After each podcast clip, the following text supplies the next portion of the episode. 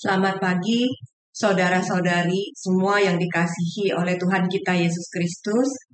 Pagi ini saya akan sharing firman Tuhan buat kita bisa belajar bersama-sama. Saudara, masih ingat beberapa waktu yang lalu uh, saya ada sharing tentang no shortcut. Bagi beberapa orang, kadang-kadang kita bisa merasa bahwa waktu kita ikut Tuhan kok prosesnya berat banget ya. Saudara Alkitab bilang roh itu penurut, tetapi daging lemah. Mengapa Tuhan mau kita melewati proses?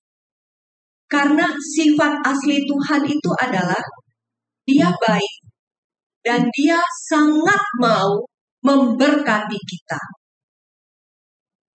Saudara masih ingat ya kemarin kita bahas sama-sama Waktu bangsa Israel disuruh jalan di padang gurun, di situ mereka mengalami kebaikan Tuhan. Ya, mereka mengalami hadirat Tuhan, mereka mengalami penyediaan, mereka mengalami kasih karunia Tuhan. Saudara, dengan kebaikan dan kasihnya yang terbesar, kasih Yesus yang terbesar, yaitu Yesus mati di kayu salib buat kita, Yesus mengalahkan iblis dan maut.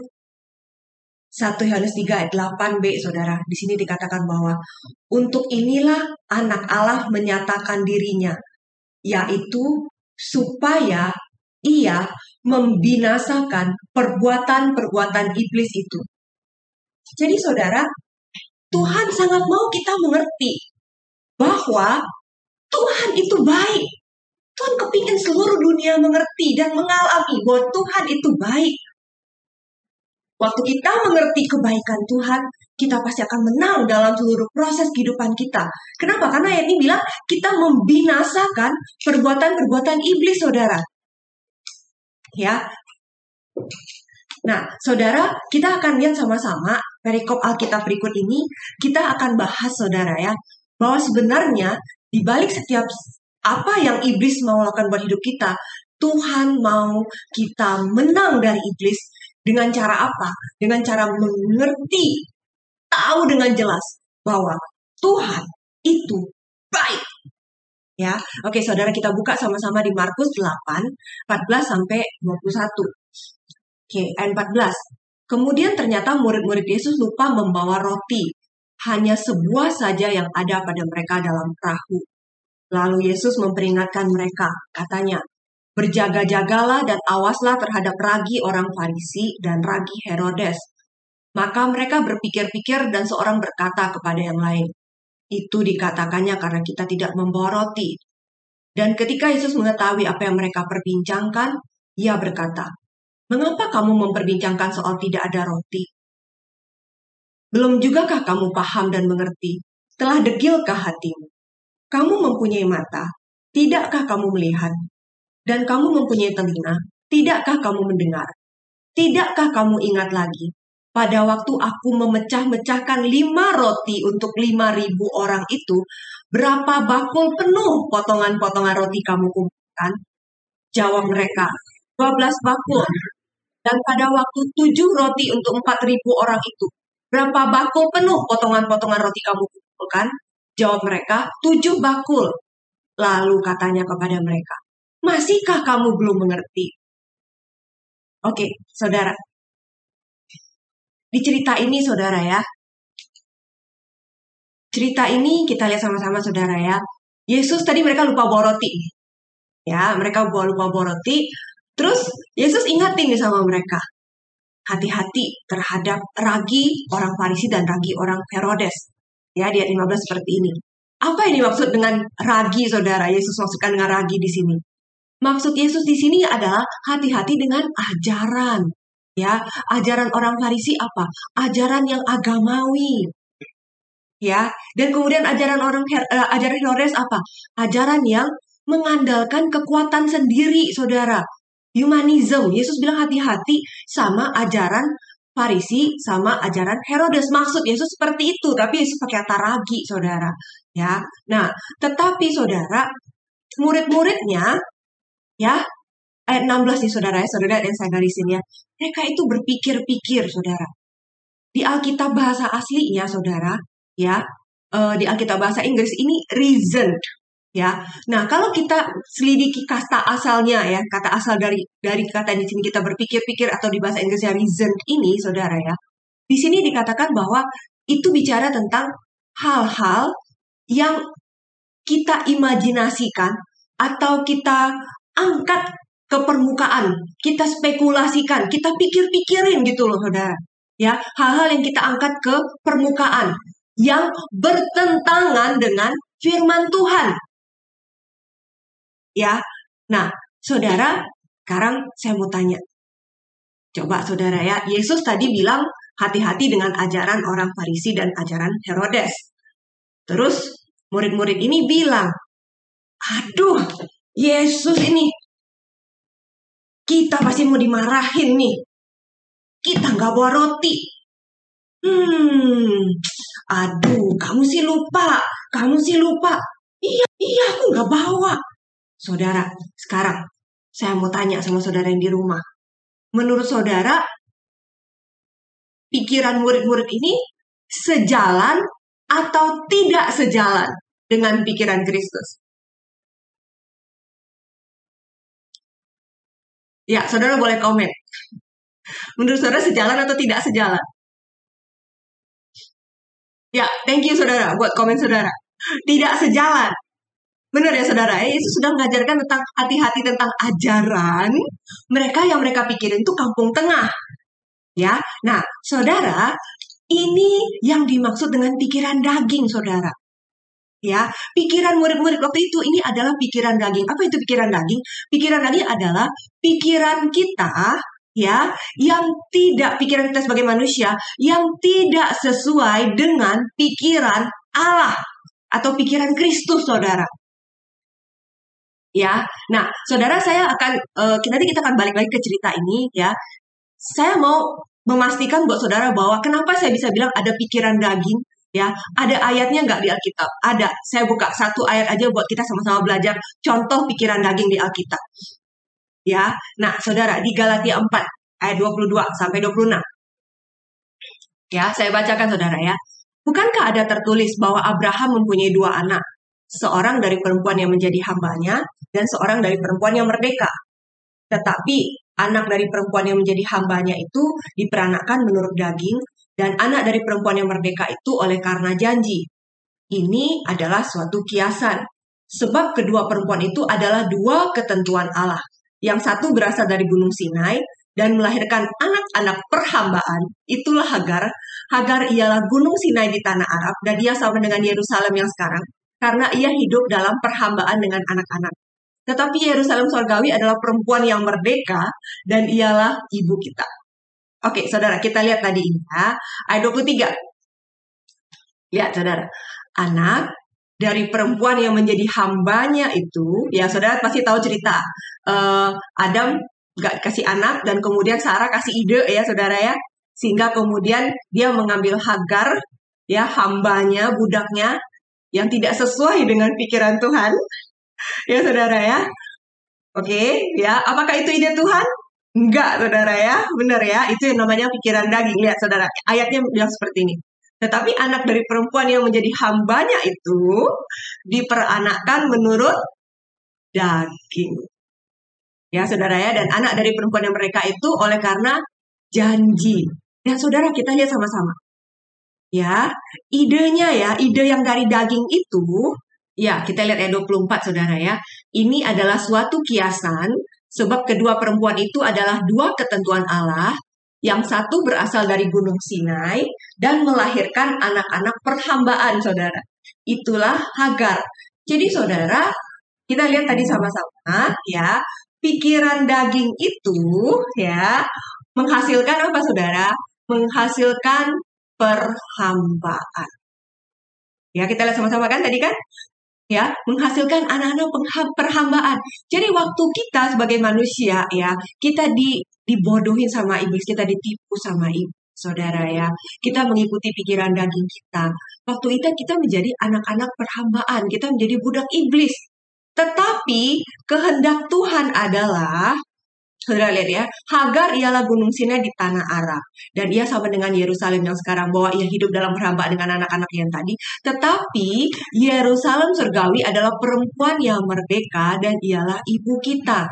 Saudara, inilah kehendak Tuhan buat kita. Tuhan mau kita menjadi anak-anak yang merdeka, saudara. Firman Tuhan bilang di Yohanes 8 ayat 32, kamu akan mengetahui kebenaran dan kebenaran itu akan memerdekakan kamu. Jadi Tuhan mau kita sebagai anak-anak kita mengerti bahwa kita punya free will, kita punya kehendak bebas dan kemudian kita memilih setiap kehendak Tuhan dalam hidup kita, kita memilih untuk mengenakan pikiran Kristus karena kita tahu bahwa Tuhan itu baik dan dia sangat mau memberkati kita. Jadi kita nggak mau pilih pikiran daging. Amin saudara ya. Nah, jadi ini bicara tadi mengenai pikiran daging. Tadi kita kembali ke cerita yang tadi saudara ya. Nah, kita kembali ke cerita tadi yang tadi Markus 8 ayat 14 sampai 21 ini ya saudara ya. Nah, kita kembali kita lihat ya. Nah, di ayat 16 tadi dikatakan bahwa mereka berpikir-pikir dan seorang berkata kepada yang lain itu dikatakannya karena kita tidak mempunyai roti. Ya. Jadi tadi kita belajar sama-sama bahwa mereka berimajinasi, mereka berspekulasi, mereka berasumsi dan mereka mengentertain pikiran itu ya bahwa Yesus ini lagi ngomongin soal roti. Yang mana pikiran mereka itu adalah pikiran daging tidak sesuai dengan pikiran Kristus. Ya, saudara, gini. Seandainya teh, saudara lihat ya, Yesus mengetahui pikiran mereka, lalu Yesus langsung ajarin mereka. Kamu nih nggak ngerti-ngerti ya, kamu punya mata, kamu nggak bisa lihat. Ya, Yesus selalu ajarin mereka. Kenapa? Karena pikiran mereka salah. Oke, seandainya saudara, waktu itu kita di tempat itu bersama mereka. Seandainya waktu itu kita dibiarin ya, murid-murid ini dibiarin punya pikiran yang salah. Saudara, mereka pasti akan mikir gini, oh Yesus ini masalah, Yesus marah karena kita nggak bawa roti. Terus kalau kita nggak bawa roti, jadinya hmm, buat Yesus itu something banget. Oke, jadi kalau ikut Yesus harus bawa sangu. Kalau enggak, buat Yesus itu masalah banget.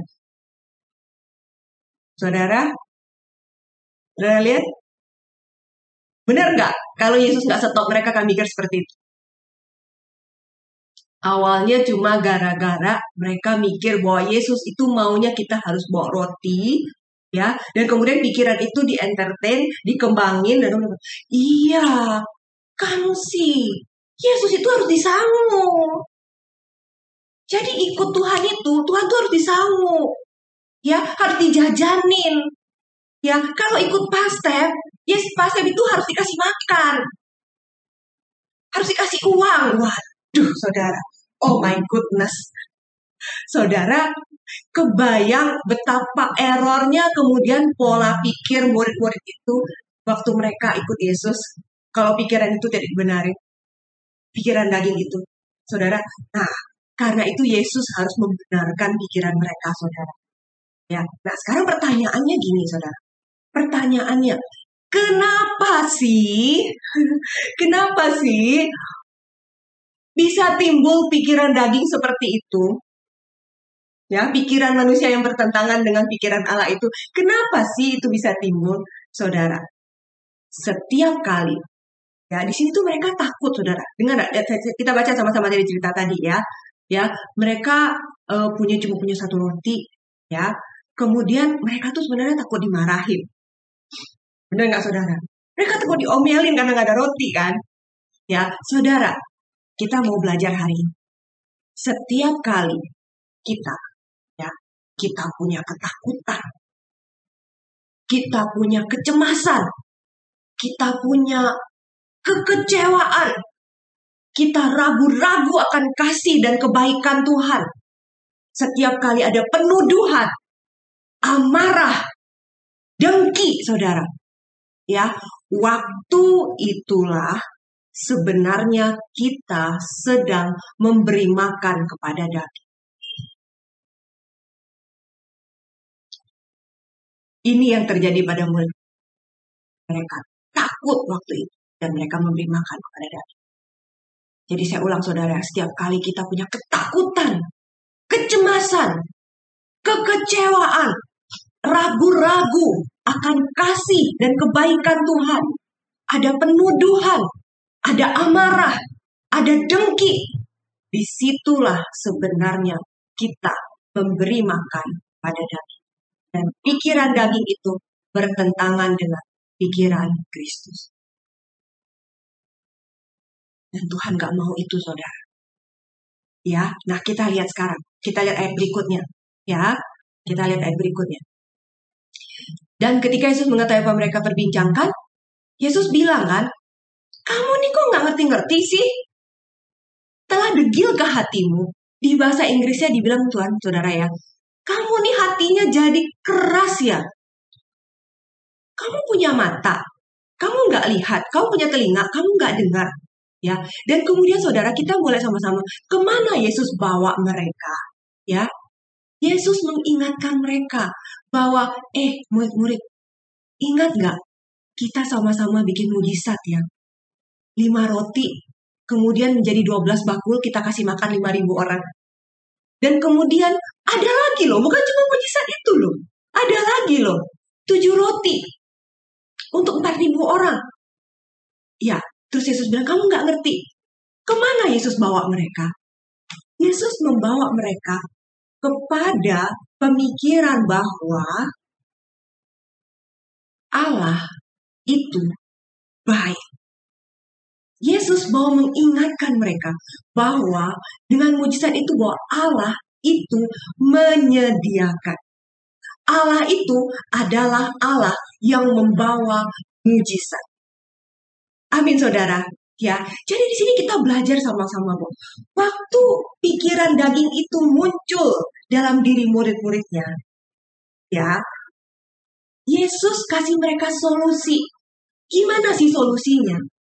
Pikiran daging itu harus dirawat dengan cara apa? Kita harus mengingat bahwa Tuhan itu baik Tuhan sudah melakukan banyak hal dalam kehidupan kita. Dia sudah melakukan banyak kebaikan dalam kehidupan kita. Dan Yesus mengingatkan itu bahwa Tuhan itu baik dan Tuhan masih sangat mau memberkati kita lagi, lagi, dan lagi.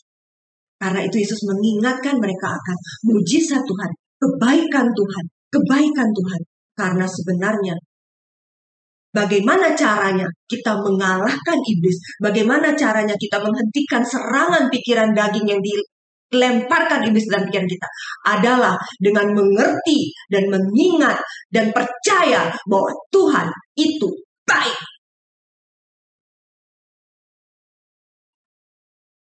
Kami saudara. Ya, nah bagaimana kalau nggak ngerti-ngerti?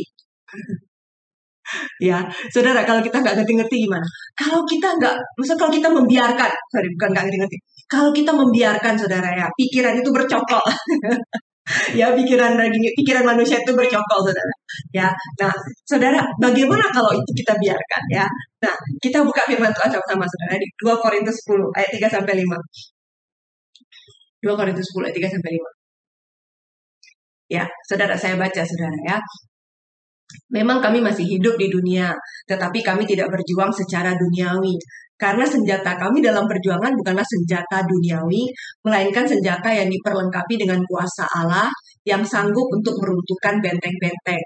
Kami mematahkan setiap siasat orang dan meruntuhkan merubuhkan setiap kubu yang dibangun oleh keangkuhan manusia untuk menentang pengenalan akan Allah. Kami menawan segala pikiran dan menaklukkannya kepada Kristus Ya, oke, saudara. Lihat saudara ayat ini ya. Kita lihat ya. Oke. Di sini dikatakan di ayat 5, kita menawan segala pikiran dan kita menaklukkannya kepada Kristus. Jadi tadi lawan pikiran daging adalah pikiran Kristus. Amin saudara ya. Kita mau mengenakan pikiran Kristus dan bukan pikiran daging. Oke ya. Nah, ayat 3 ya, ya. Oke, senjata kami dalam perjuangan bukanlah senjata duniawi, melainkan senjata yang diperlengkapi kuasa Allah untuk sanggup untuk meruntuhkan benteng-benteng. Saudara, benteng itu ada di mana ya? Ya. Saudara, kita bayangin benteng ya. Oke, nah ini saya kasih saudara ini gambar benteng. Oke, benteng itu kayak kayak puri biasanya saudara ya, puri atau tembok tinggi. Oke, di mana di balik tembok itu saudara ya, di situ ada tentara besar. Ya, ada tentara yang biasanya kekuatannya cukup besar, namanya benteng, benar saudara ya, kuat di balik itu. Nah, sebenarnya saudara, benteng itu di dalam diri kita di mana? Di sini saudara. Di dalam pikiran kita. Ya, benteng itu adanya di dalam pikiran kita. Ya. Jadi waktu benteng itu kayak gini. Jadi benteng itu kayak dia tuh kayak tentara beristirahat di dalam. Ya. Kalau biasa kan kita lihat benteng gitu ya, di dalam tuh ada tentara, tentara itu di dalam beristirahat, mereka makan ya, mereka latihan di dalam, mereka tidur. Ya kan? Nah, kemudian waktunya siaga mereka langsung bangun dan mereka langsung nembak. Ya, saudara, sebenarnya di dalam pikiran tadi saya bilang itu dalam dia ada benteng. Ya, di dalam ini musuh beristirahat, musuh tidur gitu ya. Nah, kemudian ya waktu kita mulai ada pikiran ya yang tidak sesuai dengan firman Tuhan. Ya, di situlah musuh ini akan bangun dan dia akan langsung nembakin kita saudara. Karena musuh itu dari baik tembok kan dia langsung nembakin kita. Ini yang terjadi tadi sama murid-murid. Mereka kan, aduh Yesus pasti marah. Kita gak buat roti. Ya. Dan kemudian waktu kemudian mereka mengimajinasikan itu, mereka mengentertain hal itu, mereka mengasumsikan itu menjadi sebuah kebenaran, ya. Di situlah mereka sedang menerima tembakan-tembakan iblis, ya, di dalam pikiran mereka yang ditembakkan oleh iblis, yang tujuannya apa? Tujuan dari musuh adalah untuk menghancurkan kita. Ya, karena iblis datang untuk mencuri, membunuh, dan membinasakan, saudara. Efeknya kalau dibiarin apa? Kita akan terbelenggu dengan cara berpikir yang salah. Sehingga kemudian kita akan berpikir, eh, kita akan mengambil keputusan yang salah. Ya saudara, kalau pikiran kita salah, pasti keputusan kita akan salah. Dan kemudian ujung-ujungnya iblis menggagalkan banyak hal dalam hidup kita. Benar saudara ya? Ya, jadi saudara, sebenarnya hati dan pikiran kita itu kayak kereta api. Saudara pernah nggak di sini saudara naik kereta api yang salah jurusan? Saudara mau ke Bogor, tahu-tahu saudara naik kereta jurusan Rawamangun. Waduh, saudara. Tahu-tahu pas nyampe, saudara kaget. Hah? Ini bukan Bogor ya? Waduh, kok salah ya? Waduh, udah telat. Jamnya udah gak keburu. Waduh, akhirnya saya gatot nih. Waduh, kemudian saudara harus lompat ke kereta, keluar kereta itu, dan kemudian saudara harus cari-cari kereta lagi, dan kemudian akhirnya rencana kita hari itu buyar, saudara ya, kita gantot. Kenapa? Karena kita naik kereta yang salah. Itu yang akan terjadi, saudara, dengan kita semua. Ya, kalau kita tidak mengerti cara Tuhan berpikir, kalau kita berpikir menurut pemikiran daging hari ini, besok dan lusa, ya sama dengan kita kemudian mengambil gerbong kereta yang salah saudara ya. Dan kita nggak cek, dan kemudian tahu-tahu waktu kita naik kereta yang salah, tahu-tahu dua tahun lagi, tiga tahun lagi, lima tahun lagi, sepuluh tahun lagi, kita baru sadar bahwa waktu kita sampai ke gerbong yang kereta itu nyampe, kita baru sadar bahwa kok aku udah jauh begini ya? Teman-teman aku kok begini? Kok aku melenceng hidupku? Kok aku nggak diberkati ya? Kok aku mengalami kegagalan dalam hal ini ya? Kok aku mengalami kegagalan dalam diri anak? Kok aku mengalami kegagalan dalam hidupku? Kok keuanganku morat-marit? Kenapa? Karena sebenarnya kita salah jurusan. Kita naik kereta yang salah. Kita nggak mengenakan kereta Kristus. Kita nggak mengenakan pikiran Kristus. Jadi saudara, Tuhan mau kita naik kereta yang benar. Amin saudara, Tuhan mau kita punya pikiran yang benar. Tuhan mau kita punya pikiran yang Kristus ya. Oke. Saudara, kita lanjut ya. Setiap tadi kita kembali ke cerita yang tadi. Kita kembali ke cerita yang tadi yang Yesus sama murid-muridnya itu. Ya. Saudara, Tuhan ingatkan mereka akan mujizat penggandaan kau. Ya. Setiap mujizat yang kita alami harusnya atau kebaikan Tuhan ya yang kita alami harusnya saudara kebaikan Tuhan itu atau mujizat Tuhan itu ya itu membawa kita semua kembali kepada covenant Tuhan sama kita ya covenant perjanjian darah Tuhan sama kita bahwa Yesus sudah mati di kayu salib buat kita dan Tuhan Yesus itu sangat mau memberkati kita. Galatia 3:29 mengatakan, "Dan jikalau kamu adalah milik Kristus, maka kamu juga adalah keturunan Abraham dan berhak menerima janji Allah." Amin saudara ya. Nah, kalau kita biarin saudara, ya, saudara kita mau lihat ya, kalau kita biarin tadi gimana? Yang tadi kita bilang kita naik kereta yang salah. Kalau kita biarin tadi saudara ya. Tadi kita lihat murid-murid punya pikiran daging ya. Iblis tembakin dari benteng-benteng. Iya sih, tuh Yesus harus disangu, saudara ya. Ya, dikasih makan, di entertain ke dagingnya. Saudara lihat tadi ya, kita kembali ke ayat yang tadi, saudara. Kita kembali ke ayat yang tadi kita lihat sama saudara ya. Ayat 17, lihat. Belum juga kak kamu paham dan ngerti istilahnya ya, kalau bahasa sekarang, kamu tuh nggak ngerti-ngerti tah. Kamu tuh keras kepala banget sih. Ya, telah degil ke hatimu. Yesus bilang, keras kepala banget sih. Sudah gitu saudara, ayat 21 diulang lagi. Yesus bilang ini, masih nggak ngerti-ngerti. Ya, saudara kayak 21 ini saudara, ya. Kalau kita lihat ya di, di bahasa aslinya saudara ya, dikatakan bahwa kamu nih keras hati banget sih. Ya, itu Yesus katakan sama murid-murid. Jadi saudara, kita belajar di sini sama-sama. Ya, waktu kita mengentertain pikiran daging, ya, kita kasih makan sama dagingnya, kita menerima tembakan iblis ya dari benteng-benteng dalam pikiran kita, ya. Maka ya, efeknya adalah hati kita pasti akan jadi keras. Karena firman Tuhan yang bilang seperti itu. Kita lihat contoh sama-sama saudara. Ya, kita contoh sama-sama. Kemarin kita bicara mengenai bangsa Israel kan saudara. Ya, nah bangsa Israel ini mereka ini udah melihat kebaikan Tuhan. Ya, mereka melihat bahwa Tuhan itu baik. Tuhan bawa mereka keluar dari perbudakan. Tuhan kasih mereka mujizat ya 10 tulah. Tuhan kasih mereka mujizat melewati menyeberang laut merah. Tuhan kasih mereka mujizat lihat musuh-musuhnya ditenggelamkan semua. Benar kan saudara ya? Tapi kemudian mereka mengentertain pikiran lagi ya mereka menerima tembakan iblis di dalam benteng-benteng mereka. Ya dusta-dusta iblis yang mengatakan bahwa Tuhan itu jahat.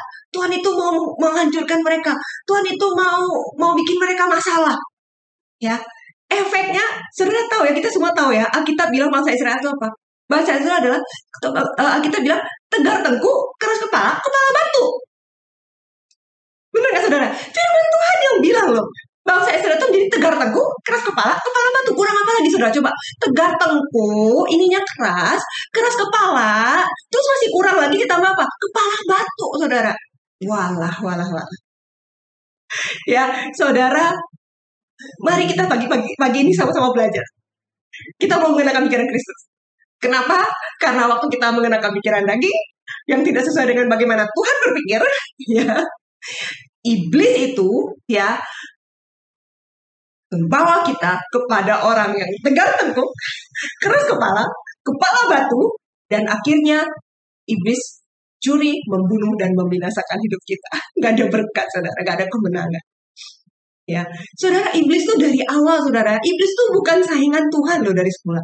Iblis itu udah dikalahkan.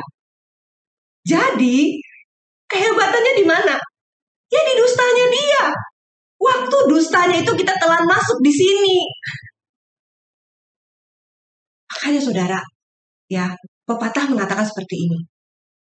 Kita nggak bisa menyetop burung untuk terbang di atas kepala kita. Bahkan, maaf saudara, seandainya dia kotoran di atas kepala kita pun, kita nggak bisa stop. Tetapi, kita bisa tidak mengizinkan burung itu membuat sarang di atas kepala kita. Amin saudara. Ya, kita nggak bisa larang burung lewat di atas kepala kita, tetapi kita bisa mengizinkan untuk dia tidak membuat sarang di atas kepala kita. Pikiran itu boleh ada, Tetapi kita bisa mengizinkan bahwa pikiran Kristuslah yang berkuasa dalam hidup kita. Dengan cara apa saudara? Dengan cara kembali dengan cara Yesus tadi saudara. Saudara ingat Yesus membawa murid-murid untuk melihat bahwa Allah itu baik. Amin saudara. Ya, tadi kembali ke bangsa Israel saudara ya. Kegagalan bangsa Israel itu sebenarnya karena mereka gini saudara, mereka lihat mujizat Tuhan. Ya, mereka terpesona dengan mujizat Tuhan, ya, tapi ya udah that's it. Nah, sekarang kita mau lihat Musa sebagai pemimpinnya bangsa Israel. Ya, saudara ya, Musa sama dengan bangsa Israel. Dia melihat mujizat Tuhan, dia terpesona dengan mujizat Tuhan, tetapi tidak stop sampai di situ. Musa melihat tindakan Tuhan dan dia mencari dan menemukan sifat Allah yang asli itu. Bahwa Allah itu baik dan Allah itu mau memberkati. Itu sebabnya saudara, bangsa Israel itu waktu ikut Tuhan, selalu seruduk sana sini, ya, hantam sana sini, jatuh bangun sana sini. Sementara Musa, waktu Musa memimpin bangsa Israel, Musa itu begitu stabil dengan kepemimpinannya. Padahal diserang sana sini ya begitu banyak pergolakan, tapi Musa begitu stabil dan menyelesaikan panggilannya sampai akhir. Kenapa? Karena Musa mengerti bahwa Allah itu baik. Saudara, penting banget buat kita. Karena itu Yesus bawa murid-muridnya kepada pengertian bahwa kamu lihat Allah itu baik. Penting banget buat kita. Untuk kita hari ini kita mau sama-sama mengenakan pikiran Kristus. Bahwa Allah itu baik. Dan Allah itu sangat mau memberkati kita. Saudara kita mulai sama-sama saudara ya. Kita mau belajar dari contoh Alkitab ya. Bagaimana Musa tadi yang saya bilang begitu stabil dalam kepemimpinannya ini saudara ya. Oke. Uh, saudara kita lihat sama-sama saudara ya. Uh, kita belajar sama-sama, saudara pasti tahu ceritanya ya. Bahwa Musa tidak diizinkan masuk ke tanah perjanjian. Ya, Oke, nah kita kita bahas di bilangan 20 saudara, kita baca sama-sama aja supaya saya bisa bisa cerita sama saudara ya. Bilangan 20 ayat 1 sampai 13. Ya. Oke, kemudian sampailah orang Israel ini segenap umat itu ke padang gurun Zin dalam bulan pertama, lalu tinggallah bangsa itu di Kades. Matilah Miriam di situ dan dikuburkan di situ. Pada suatu kali, ketika tidak ada air bagi umat itu, berkumpullah mereka mengerumuni Musa dan Harun. Lalu bertengkarlah bangsa itu dengan Musa. Katanya, sekiranya kami mati binasa pada waktu saudara-saudara kami mati binasa di hadapan Tuhan. Mengapa kamu membawa jemaah Tuhan ke padang gurun itu supaya kami dan ternak kami mati di sini?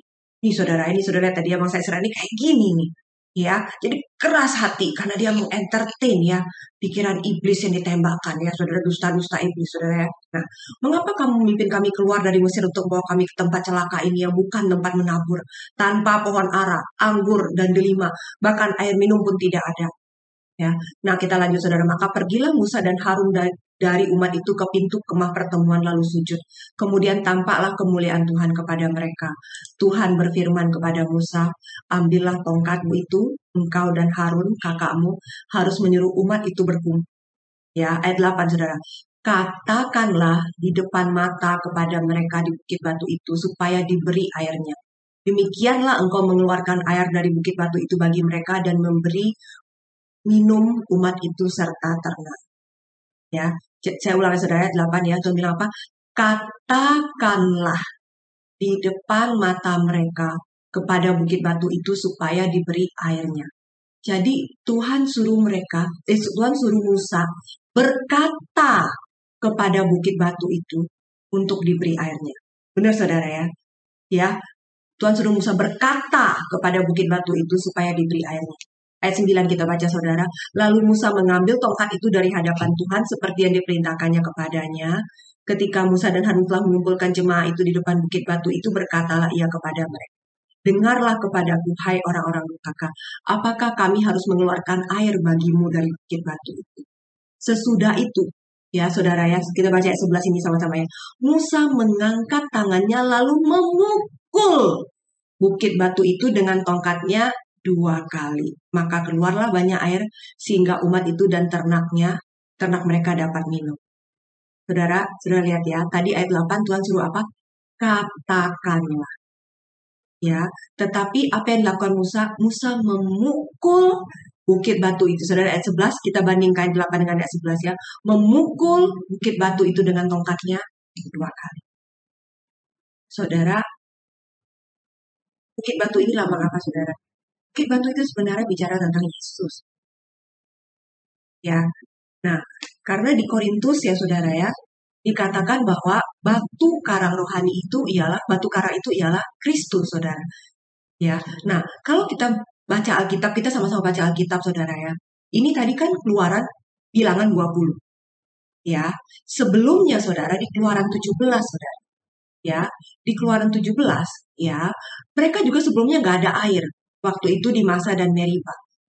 Ya, nah waktu itu Tuhan ya ayat 17 kita baca ayat 17 ayat 6. Ya, Tuhan suruh Musa pukul. Benar saudara ya, keluaran 17 ayat 6. Maka aku akan berdiri sana di depanmu di atas gunung batu di Horeb. Haruslah kau pukul gunung batu itu dan dari dalamnya akan keluar air sehingga bangsa itu dapat minum. Demikianlah diperbuat Musa di depan mata tua-tua Israel. Saudara lihat ya, jadi di masa dan Meriba waktu itu Musa sudah pernah memukul batu untuk mengeluarkan air. Dan tadi kita sama-sama lihat saudara ya, saya katakan sama saudara bahwa di Korintus dikatakan bahwa batu karang itu ialah Kristus. Ya, 1 Korintus 10 ayat 4 dikatakan batu karang itu ialah Kristus. Jadi waktu dari kejadian eh, keluaran 17 ayat 6 ini, waktu Musa memukul batu, ya, ini bicara apa? Bahwa batu itu adalah Kristus ya. Jadi ini bicara bahwa Musa menyalibkan Kristus. Saudara, ya, dia memukul Kristus ya dengan batu dengan dengan tongkatnya saudara ya. Ya itu bicara apa? Dia menyalibkan Kristus. Nah saudara tadi kembali ke yang tadi cerita yang di bilangan ini saudara. Ya Tuhan suruh dia nggak mukul lagi kan Kenapa? Karena Yesus itu harus disalibkan satu kali untuk selama-lamanya untuk menebus dosa kita. Amin saudara. Nah, jadi makanya Tuhan suruh Musa katakan kepada bukit batu itu bukan pukul lagi. Tapi yang dilakukan Musa adalah Musa memukul bukit batu itu dua kali lagi saudara. Jadi dengan kata lain kesalahan Musa ini ya dilambangkan lambangnya apa? Bahwa Musa menyalibkan Yesus dua kali. Kesalahan yang fatal saudara. Benar ya saudara ya? Karena perjanjian lama adalah gambaran apa yang Tuhan melakukan di perjanjian baru. Ya, oleh karena itu saudara, makanya ayat 12 ya, ayat 12 tadi ya Saudara kita lanjut kita baca sama-sama. Kita lihat sama-sama. Tetapi Tuhan berfirman kepada Musa dan Harun, "Karena kamu tidak percaya kepadaku dan tidak menghormati kekudusanku di depan mata orang Israel, itulah sebabnya kamu tidak akan membawa jemaah ini masuk ke negeri yang akan kuberikan kepada mereka." Ya, nah, saudara, kita kita uh, kita kita lihat di sini saudara ya. Oke, Musa melakukan kesalahan yang fatal. Benar saudara ya? Benar.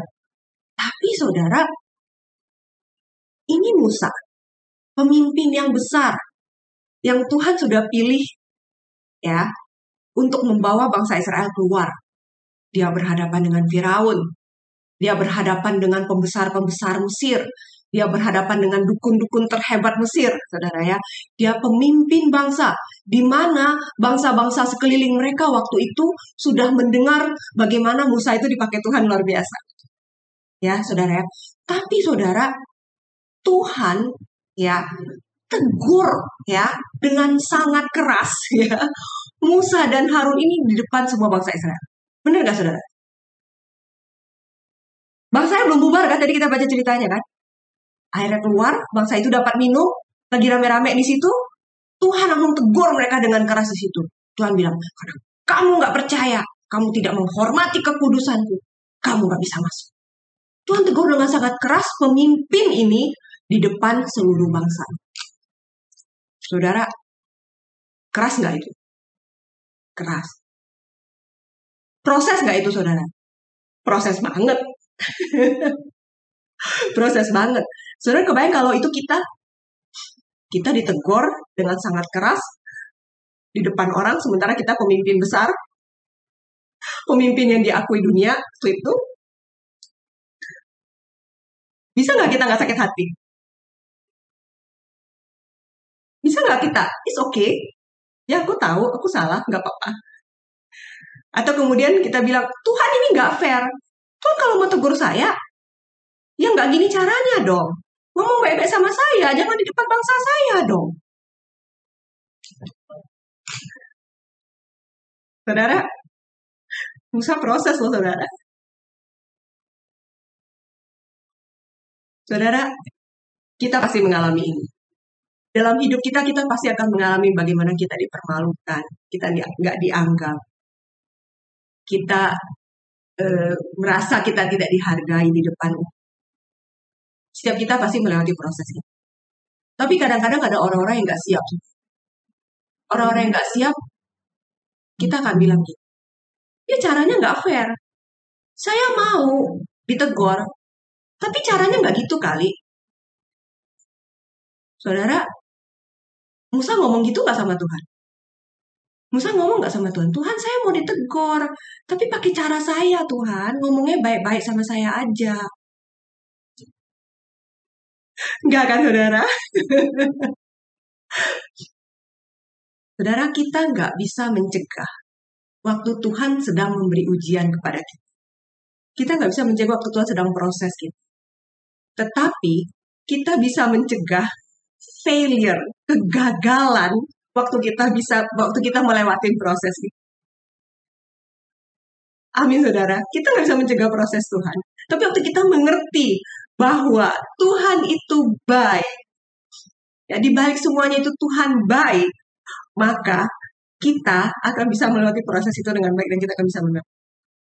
Uh, buat kita satu, saya belajar, saudara. Saya pribadi belajar. Kalau saya bilang saya mau diproses sama Tuhan, tapi pakai caranya saya, saya mau ditegur, tapi pakai caranya saya, itu berarti nggak proses dong. Benar nggak saudara? Benar kan? Ya, ada yang bilang gini, Ya, kalau gitu kamu ujian kamu bikin soal sendiri dong. Benar saudara ya? Nggak bisa saudara, kita nggak bisa melewati proses Tuhan dengan caranya kita. Tetapi, saudara, kita mau lihat sama-sama. Musa, dia nggak masalah tuh waktu ditegur Tuhan. Harga dirinya sudah diletakkan di kaki Tuhan, saudara. Karena dia tahu Yesus sudah bayar harga dirinya. Harga dirinya ada sebesar darah Yesus yang mati buat dia di kayu salib. Jadi Musa nggak masalah, saudara. Dan saudara, saya belajar, saya pribadi belajar. Dia nggak masalah melewati proses itu depan umum. Ya, dia nggak ngotot. Kalau dia ngotot, saudara ya, kalau waktu itu Musa mau ngotot, dia bilang Tuhan saya harus masuk. Saudara, itu berarti dia menyalibkan Yesus dua kali kan? Itu berarti, saudara, Musa menggagalkan pekerjaan Yesus buat kita semua. Karena kadang ada orang-orang tertentu yang ngotot gitu loh sama Tuhan. Oh Tuhan tapi maunya caranya-caranya saya. Saudara sudah menggagalkan proses Tuhan buat hidup kita. Saudara kita sudah menggagalkan berkat berkat yang besar yang Tuhan sudah sediakan buat kehidupan kita di depan. Amin saudara ya. Nah, saudara saya belajar Musa, ya dia nggak masalah Tuhan tegur tadi di depan semua orang. Dan kemudian saya baca Alkitab saudara ya. Saya baca Alkitab, saudara ya, bahwa setelah ini, saudara, Musa itu nggak stop. Ada orang-orang yang setelah ditegur di depan umum atau setelah disakitin, dia stop. Dia nggak jalan ke mana-mana lagi. Dia menggagalkan sendiri panggilan Tuhan yang Tuhan sudah sediakan. Tetapi Musa ini luar biasa. Ya, kalau kita baca Alkitab terus, saya nggak akan bahas banyak, saudara, waktu kita nggak banyak. Kita lihat sama-sama. Setelah itu Musa mentabiskan Eleazar menjadi pengganti Harun. Ya, saudara ya. Dan kemudian kalau kita baca lagi berikutnya, dia mengalahkan raja-raja Kanaan. Saudara. Dan habis itu apa? Dia bagi-bagikan tanah perjanjian itu kepada suku-suku Israel. Ya, saudara ya. Dan kemudian saudara, saya mau tutup dengan ini saudara. Ya, saya mau tutup dengan ini. Ulangan 31, ini kita bicara bagaimana kemudian kata-kata terakhir Musa. Ya. Ayat 1 sampai 9. Kemudian pergilah Musa lalu mengatakan segala perkataan ini kepada seluruh orang Israel. Ya saudara, berkatalah ia kepada mereka. Aku sekarang berumur 120 tahun. Aku tidak dapat giat lagi. Dan Tuhan telah berfirman kepadaku, sungai Yordan ini tidak akan kau seberangi. Saudara Musa sampai berumur 120 tahun, saudara ya. Tuhan Allahmu, dialah yang akan menyeberang di depan. Dialah yang akan memunahkan bangsa-bangsa itu dari hadapanmu, sehingga engkau dapat memiliki negeri mereka. Yosua, dialah yang akan menyeberang di depanmu, seperti yang difirmankan Tuhan. Ya, saudara, saya kat sebentar ya. Tadi Musa bilang bahwa sekarang dia berumur 120 tahun. Ya, kita lihat satu firman Tuhan lagi kita kat sebentar saudara ya di Ulangan 34 ayat 7. Saudara lihat ya. Ulangan 34 ayat 7. Walaupun tadi Musa bilang dia tidak dapat giat lagi karena usianya 120 ya saudara ya. Tapi ternyata Alkitab berkata beda saudara di satu versi lagi. Ya, Musa berumur 120 tahun ketika ia mati. Matanya belum kabur dan kekuatannya belum hilang Wow, saudara. Ya, walaupun tadi dia bilang dia nggak segiat, mungkin dia nggak segiat waktu dia muda, tetapi kekuatannya belum hilang, saudara. Wow, saudara, saya mau belajar dari Musa. Musa ini mengerti bahwa Tuhan itu baik. Dia melewati proses dalam hidup dia dengan sangat baik. Dan Tuhan kasih dia berumur 120 tahun. Ya, saudara ya. Dan waktu dia mati, dia mati tuh belum belum katarak loh saudara. Ya, matanya belum kabur saudara, nggak kena katarak loh luar biasa ya. Dan kekuatannya belum hilang, saudara ya. Dan lanjut saudara, kita mau lanjut sama-sama. Ya, saudara ya. Tadi ayat 3 yang kita baca. Yosua, dialah yang akan menyeberang di depanmu seperti yang difirmankan Tuhan. Saudara, Musa ini waktu dia mati, dia memberikan tongkat estafet kepada Yosua. Jadi Musa ini hidupnya punya murid saudara. Kalau nanti saya tua, saya mati, saya mau seperti Musa. Mungkin saya nggak harus 120 tahun, tapi saya harus hidup berumur panjang. Saya harus menyelesaikan pertandingan saya dengan baik. Ya, saya harus mati dalam keadaan sehat, nggak sakit-sakitan, nggak yang diranjang. Dan saya mau punya murid yang menyambut tongkat estafet saya. Dan kita lanjut sama-sama saudara. Dan Tuhan akan melakukan terhadap mereka seperti yang dilakukannya terhadap Sihon dan Og. Raja-raja orang Amori yang telah dipunahkannya itu terhadap negeri mereka. Tuhan akan menyerahkan mereka kepadamu dan haruslah engkau melakukan kepada mereka tepat seperti yang perintah yang kusampaikan kepadamu. Ya, oke. Okay. Kemudian dia bilang, kuatkan dan teguhkanlah hatimu. Ya. Oke, okay, saya lanjut ke ayat 9, saudara. Ayat 9. Ayat 9. Ya, setelah hukum Taurat itu dituliskan Musa, maka diberikannya kepada imam-imam Bani Lewi yang mengangkut tabur perjanjian Tuhan dan kepada segala tua-tua Israel. Jadi saudara Musa ini waktu umur 120 saudara ya, dia sudah menyelesaikan callingnya, ya, dia udah bagi-bagi tanah bangsa Israel, ya, dia tulis itu ya, tadi dibilang ya kitab Taurat itu ya, Musa menulis kitab Taurat itu ya saudara ya. Kejadian, keluaran, imamat, bilangan, ulangan ya.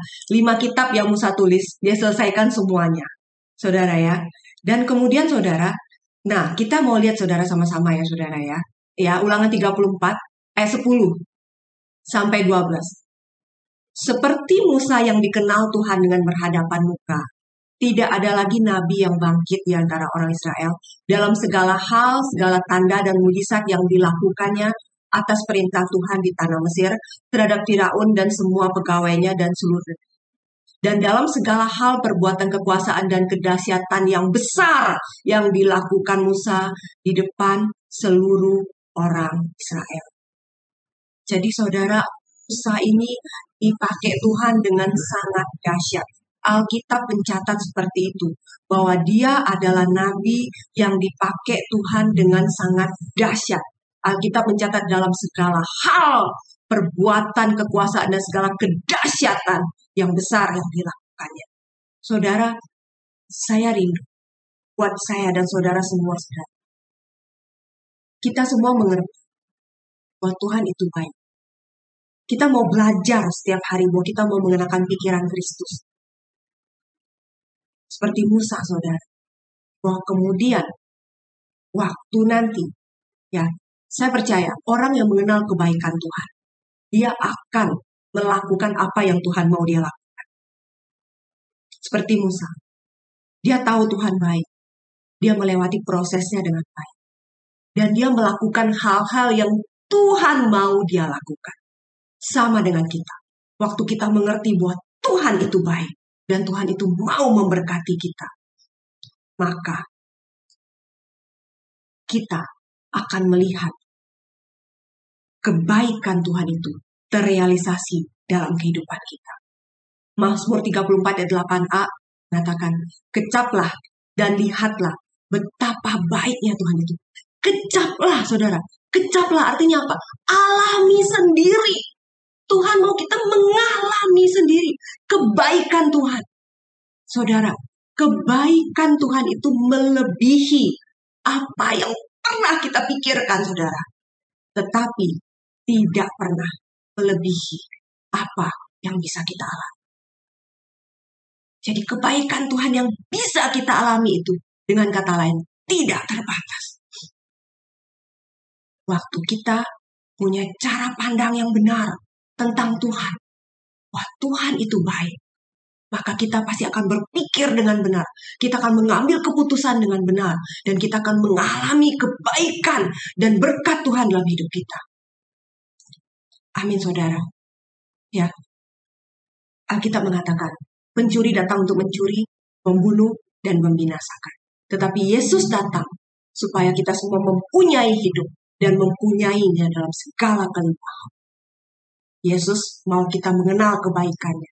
Karena itu Yesus bilang, Akulah gembala yang baik. Gembala yang baik memberikan nyawanya bagi domba-dombanya. Saudara, ini sharing saya pagi ini gembala yang baik itu mau supaya kita mengerti bahwa dia Allah yang baik yang memberkati kita. Setiap proses dalam hidup kita adalah baik karena Tuhan mau memberkati kita. Dan kita akan mengalami dan mengecap kebaikan Tuhan terrealisasi dalam kehidupan kita. Dan kita pasti melakukan perbuatan-perbuatan yang dahsyat seperti kekuatan yang diberikan oleh Allah yang baik itu kepada kita. Amin saudara, Tuhan Yesus memberkati.